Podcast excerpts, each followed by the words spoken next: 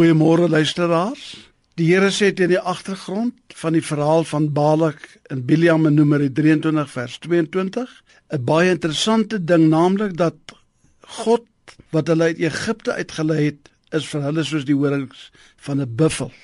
Ek wil graag die volgende paar oggende met ons praat oor 'n paar interessante diere in die Bybel. Daar word heelwat diere name in die Bybel genoem, maar ek wil my graag bepaal by die buffel, by esels, by honde en by skape en wolwe vir die volgende paar oggende. Ek is nie persoonlik 'n jagter nie alhoewel ek graag hengel en ek het egter dikwels geluister na grootwildjagters se verhale en wedervarings in die jagveld met verskillende soorte van diere. 'n Baie ervare grootwildjagter in die Laagveld wat dikwels sukses gehad het met die jag van leeu's, jagluiperds, olifante ensovoorts naby die Kreerwildtuin het my eendag egter van 'n baie interessante ondervinding met wilde diere vertel. Hy het met groot respek gepraat van buffels. Sy woorde aan my was: "Pastoor, mens mag dalk gelukkig wees met 'n leeu en dalk ook met 'n luiperd of 'n olifant, maar as daar een dier is waarmee jy glad nie sukkel nie, soos in glad nie, dan is dit 'n buffel want jy moet vir hom respek hê."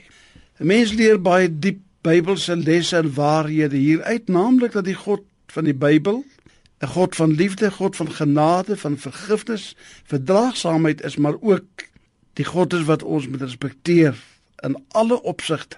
Want hy is almagtig, alomteenwoordig. Hy is die allerhoogste onveranderlike God vir wie legioene engele in die hemel in aanbidding neerbuig voor sy troon.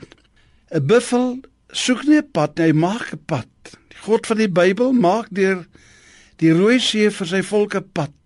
Hy maak deur die vuur oond 'n pad vir sy kinders, Daniël se drie vriende, Sadrag, Mesach en Abednego. Hy maak 'n pad vir Daniël in die leeukuil. Hy maak 'n pad vir Paulus en Silas uit die gevangenis uit. Hy maak 'n pad wat daar nie een is nie. Hy is vir sy volk soos die horings van 'n buffel. Die horings van 'n buffel is volgens kenners 'n verkoelingsstelsel waarin watervoorraad geberge word.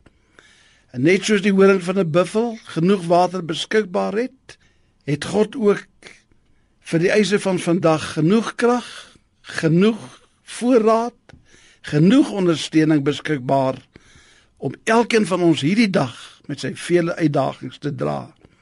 En ons weet dat sy genade genoeg is en God vir ons sal help en deurdra soos die horings van 'n buffel vir sy volk sal wees. Amen.